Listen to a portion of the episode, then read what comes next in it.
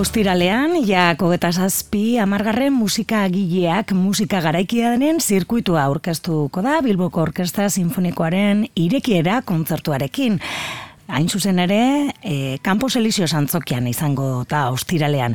Mugizik agileak e, Euskal Herriko musika elkarteak antolatzen duen urteroko ekimena da, eta e, Jon Ansorena dugu gurean, e, horren inguruan, e, zetasunak e, e, ezagutzera emateko. Arratzaldeon, eguerdion, Jon? Eguerdion.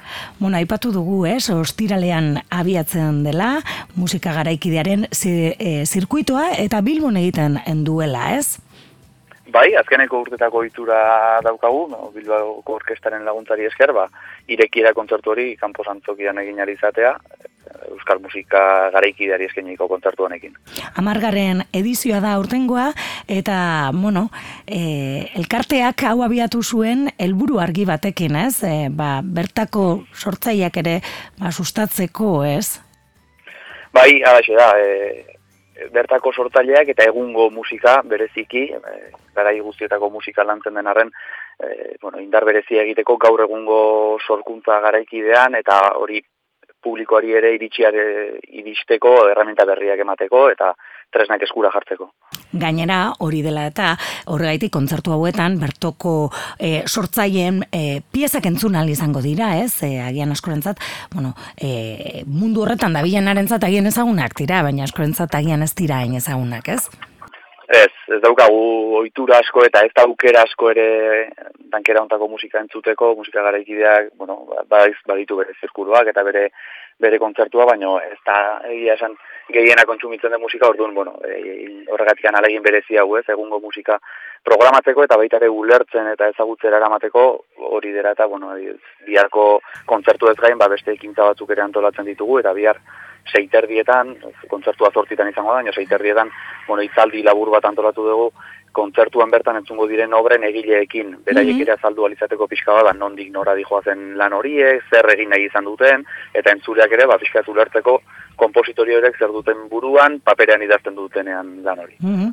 Ba, ezagutu dezagun, ez, e, e, biharko e, proposamen hori, izan ere beste e, kontzertuak, ba, okerrezpanabelia denak donostin e, dira, ez?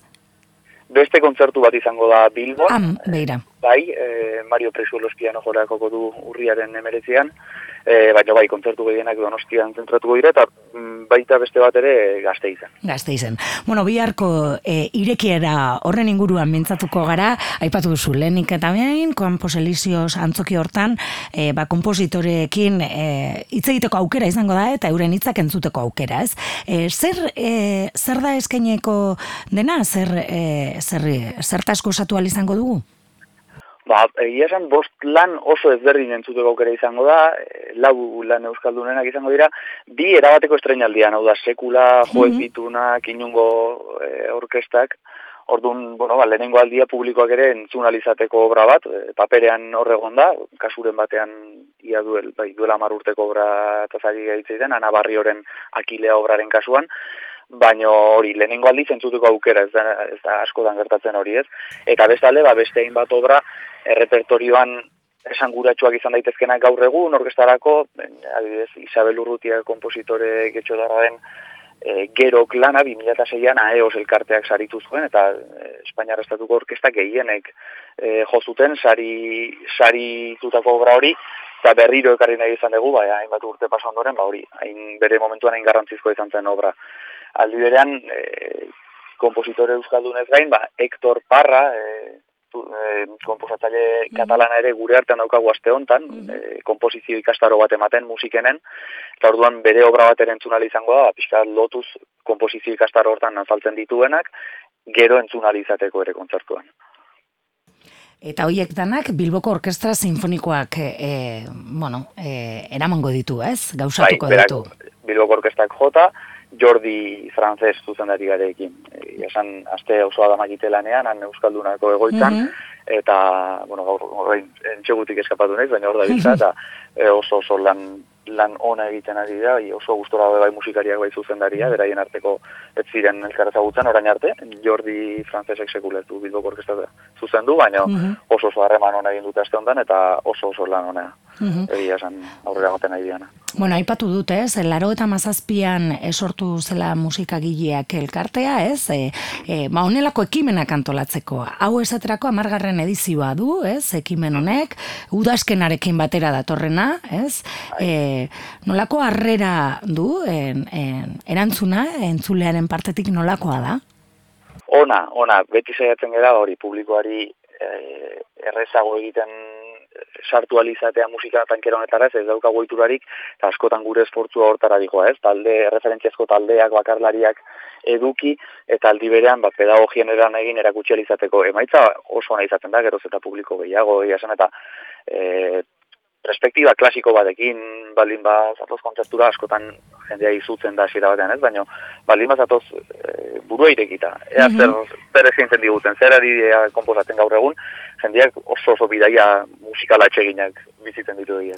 Esaten dugu gaitik, perspektiba klasikoarekin duena bau da, ez? E, betikoa entzun nahi duena, e, bueno, ba, e, ez da horrelako e, topaketa bat edo jardunaldi bat, ez? E, e, gaur egun e, ba, musika mota honetan e, egiten ari dena, ez? Erakusten Hori da, de, egia musika honen eratorrea, ba, Beethovenen etor, egon daiteke edo musika klasiko oan, baina urteak aurrera doa, denbora aurrera doa, eta garaiak ere bai, ez? Orduan, e, inondik inora batak ez du beste alde batera uzten, baina bai uztartu behar da, garai bateko idazkera, ba, gaur egungo sorkuntzarekin eta gaur egungo gerta erekin, orduan, ba, hortan ari gara bereziki lanean, ez? E, hori e, iritsaraz iritsi garazten mm Egia esan programa osoa ikusita, eh, esku programa ikusita, egitaraua eh, oso handia da, eta inbat sortzaile parte hartuko dute, esan dugu ez, ostiralean kanbos eliso santzokian abiatzen dela, gainar sarrera iru euro baino ez dira, iaia ia simbolikoa esango genuke. Ah, bai, bai, bai, bai, bai, nahi deguna jendea etortzea da, jendeak ezagutzea, mhm. eta esperientzia berri horiek bizitzea, Ordu bai, bai, bai, esan simboliko, simboliko tratar Pieza berriak eta euskal sortzaien piezak eh, eskainiko dituzte Bilboko Orkestra Sinfonikoko musikariek eta ondoren, ba, esan dugun bezala, e, bai musiken Santelmon eta e, hainbat tokitan, baina aipatu duzu ere Gasteizen izango dela eta esango genuke urri osoan zehar, ez? E, lusatzen dala ekimena. Urri osoan zehar eta aurten lehenengo aldiz azaroan ere beste bi kontzertu izango dira bai pixkat e, denboran luzaten ari nahi egan ari gara pixkanaka, eta asmoa, asmoa hori da. Ea pixkanaka joan ziklo luzeago ba lortzen, den aurrien konzentratu beharrean, eta ba, hori gutxinezea udazken osoa irauten dugun, mm -hmm. hori urren urtetara berriro. Jon, ikusi dugun haitik ere, e, bizitari, e, kanpoko bizitariak ere parte hartzen dute? Bai, bai, bai, beti, mm -hmm. beti zaitzen gara, bai, bai bertako zein kanpoko musikariak, e, bai kompositore eta bai jotzaileak hartzen, ba, pentsatzen ez da, kor zirkuiten zenblea izango dan mm urriaren iruan musikenen, salzedo irukotea ere, bi, bi taldeak frantziara dira, e, torriko da urriaren bukaeran, bai donosti eta gazteizera, bi kontzertu eskainiko ditu, talde berean baita bertako taldeak ere, xare laborategia e, ensembleak kontzertu eskainiko du, Iñaki Alberdiak ordei jole ezagunak, baita ere, orduan beti saiatzen gauztartzen eta alik eta aukera anitzenak ematen publikoari. Mm Bueno, eta gure inguruan ezagunak goak diren adiez leioako kantika korala, ez? E, oh, yeah. Adine, bilbotik, guretzako e, e, izen ezagunagoa egiten zaigu. Urbilenekoak. bai. Bueno, ba, entzuleari, e, gombitea lusatuko diogu, irekiera hortara, e, joateko, esan dugun bezala, Campos Elisio Santzokian izango delako, musikagileak, musika garaikidearen, zirkuitoaren lehenengo kontzertu hori. Bilbolko Orkestra Sinfonikoaren irekierarekin. Ba, gozatu ezazuela, ez? E, zuek ere, antolatzeaz gain? Bai, bai, ziur, ziur. Egindako orkesta egiten edan lan ikusita, ziur gozatu egula. Ba, eskerrik asko, Jon, aur. Zuei, aur.